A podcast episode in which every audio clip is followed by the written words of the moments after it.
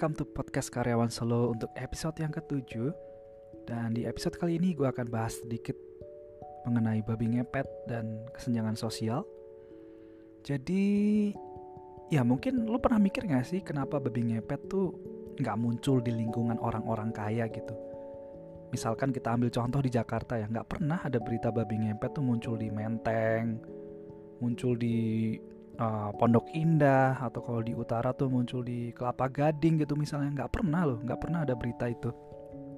Kenapa babi ngepet tuh munculnya kayak selalu di tempat-tempat yang ya ini gue nggak bermaksud mendiskreditkan siapa pun ya tapi munculnya tuh selalu di perkampungan di suatu lingkungan yang padat penduduk gitu yang densitas rumah warganya tinggi. Gue mikir apakah babi ngepet tuh memang paham gitu kalau biasanya orang-orang kaya tuh nggak megang duit cash gitu. Atau sebenarnya babi ngepet tuh ada aja di lingkungan orang kaya. Tapi kalau misalkan nih orang-orang kaya yang tinggal di Menteng terus kehilangan duit 100 ribu 200 ribu gitu paling mereka juga nggak bakal langsung seuzon kalau duitnya diambil sama babi ngepet. Mungkin mereka cuma akan mikir ah mungkin aku lupa naruh duit di mana gitu. Udah habis itu diikhlasin. Nah kalau take gue pribadi soal babi ngepet ini babi ngepet tuh ada atau enggak sih? Ya ada, ada secara imajinatif ya.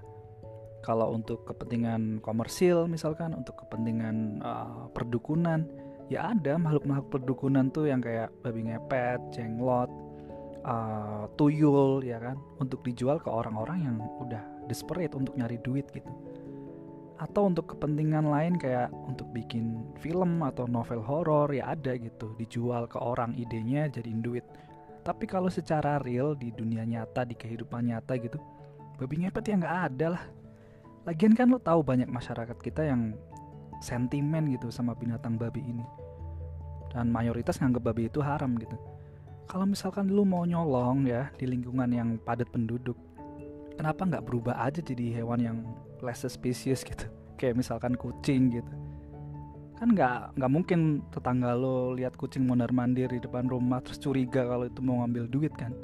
Atau kalau dilihat dari uh, fungsional fitur tubuhnya gitu kenapa nggak jadi monyet gitu kan? Jelas-jelas punya tangan buat ngegrab sesuatu mungkin bisa ambil duit bisa ambil barang yang lainnya juga. Instead of jadi babi yang by design memang ya dia cuma punya empat kaki dan nggak bisa genggam apa pun gitu nggak bisa genggam duit Nah selanjutnya gue akan bahas beberapa alasan menurut gue kenapa babi ngepet ini bisa muncul di tengah-tengah masyarakat kita. Jadi alasan yang pertama, lo mungkin pernah dengar tentang Occam's Razor Principle. Jadi Occam's Razor Principle ini adalah philosophical rule di mana ketika seseorang dihadapin dengan dua hipotesis, seseorang itu akan cenderung memilih hipotesis yang paling simple Ya karena pada dasarnya simplicity itu emang selalu appealing untuk kita human being gitu ya. Jadi kita akan milih hipotesis yang paling simple, paling nggak ruwet, paling sedikit assumptions gitu. Nah dalam kasus babi ngepet ini kalau misalkan ada orang kehilangan duit 100 ribu Besoknya kehilangan 200 ribu 300 ribu gitu Sering hilang gitu Mungkin dia akan males cari uh, pendekatan atau ngelakuin approach yang ribet kayak misalkan dia investigasi anggota orang di rumahnya gitu. Tanyain satu persatu investigasi siapa nih yang kira-kira nyolong duit aku? gitu. Atau misalkan oke okay, aku beli CCTV dulu. Aduh ngeluarin duit. Habis itu harus jagain harus ngeliatin video CCTV-nya siapa yang nyolong duitnya. Itu approach-approach yang ribet gitu dan akhirnya dia denger nih ada desas-desus babi ngepet di kampungnya. Tetangganya juga bilang oh uang aku hilang 200 ribu aku juga hilang 500 ribu ya udah akhirnya hipotesis yang paling simpel yang paling gampang untuk diambil ya nyalain babi ngepet gitu. Akhirnya semua sepakat oh yaudah berarti salah babi ngepet nih. Udah cari babi ngepetnya sampai ketemu. Gitu. Nah sebenarnya hal ini juga cukup familiar ya cukup umum terjadi di dunia sulap gitu misalnya. Untuk contoh misalnya orang-orang habis nonton sulap dan aksi pesulapnya tuh bagus banget sulapnya bagus flawless gitu Nah orang-orang itu yang nonton tadi tuh males untuk bongkar trik sulapnya kan. Karena emang susah itu suatu ilmu yang dipelajari bertahun-tahun gitu. Terus orang-orang tadi akan bilang Ah ini pasti sulapnya dibantu sama jin. Pasti nih pasti si pesulapnya bersekongkol sama jin. Gitu.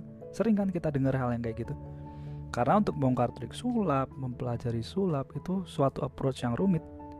Sedangkan menuduh si pesulap ini bersekongkol sama jin itu jauh lebih mudah, lebih simpel untuk dilakukan. Nah, jadi gitulah kira-kira uh, tentang Occam's Razor Principle. Alasan yang kedua, ya ini menarik sih kayak di Indonesia, mungkin di Twitter ya lebih spesifiknya. Kayak gue tuh lagi nge-scroll timeline, ada yang lagi bahas tentang cryptocurrency, ada yang lagi bahas tentang uh, Internet of Things. Tiba-tiba ada berita satu babi ngepet dan itu went viral gitu, jadi rame banget. Jadi kalau menurut gue alasan selanjutnya adalah karena adanya kesenjangan sosial. Dan ya gue baru baca artikel-artikel gitu di Kompas, di Okezone tentang pengkategorian orang miskin di Indonesia. Jadi ternyata ya untuk dikategorikan sebagai orang miskin di Indonesia dan tercatat oleh BPS itu lo perlu berpenghasilan nggak lebih dari 500 ribu sebulan sekitar 400 ribu sekian lah. Which is menurut gue sama sekali nggak make sense gitu. Sama sekali nggak make sense. Karena artinya kalau lo berpenghasilan 600 ribu sebulan aja 600 loh 600 tuh kecil banget loh. Lo tinggal di kabupaten kecil juga nggak survive lo dapat 600 ribu sebulan. Dan lo udah dianggap nggak miskin lo dianggap bukan orang miskin kalau lo berpenghasilan sekitar 500 600 ribuan sebulan itu lo udah di, dianggap nggak miskin.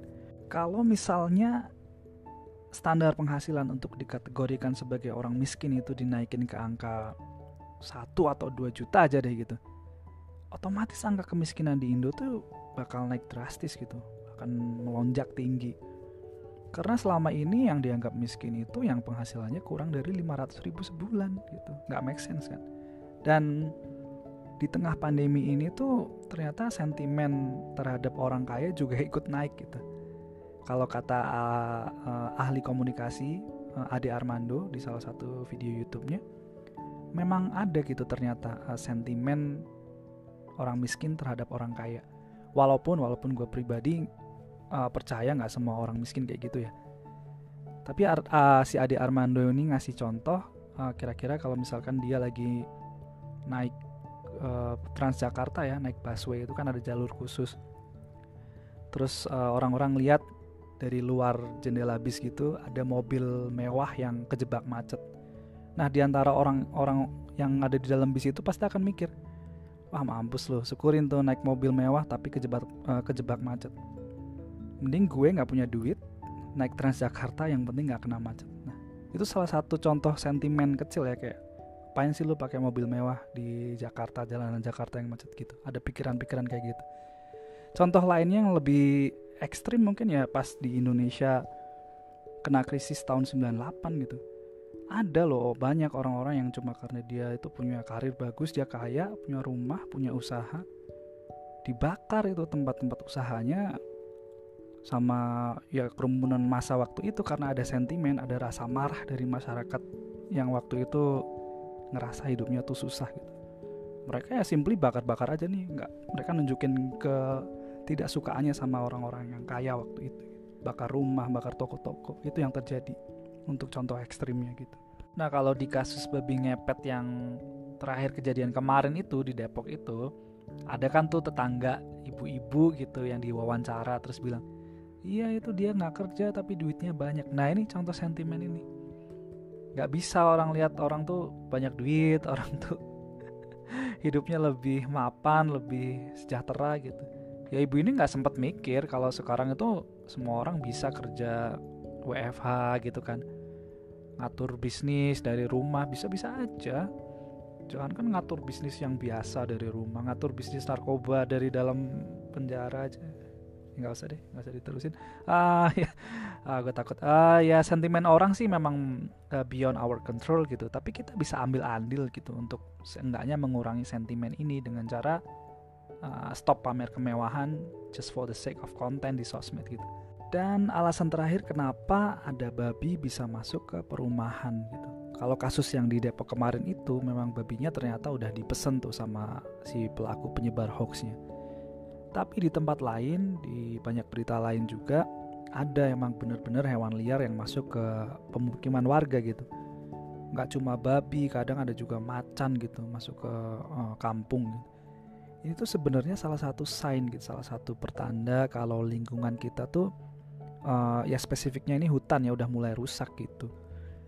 Kalau ada babi masuk ke pemukiman mungkin ya lahan dia untuk cari makan udah dibabat habis gitu sama pelaku illegal logging atau misalkan kalau ada macan masuk ke kampung mungkin ya karena hewan-hewan yang seharusnya dimangsa sama macan kayak rusa gitu mungkin udah habis diburu sama manusia.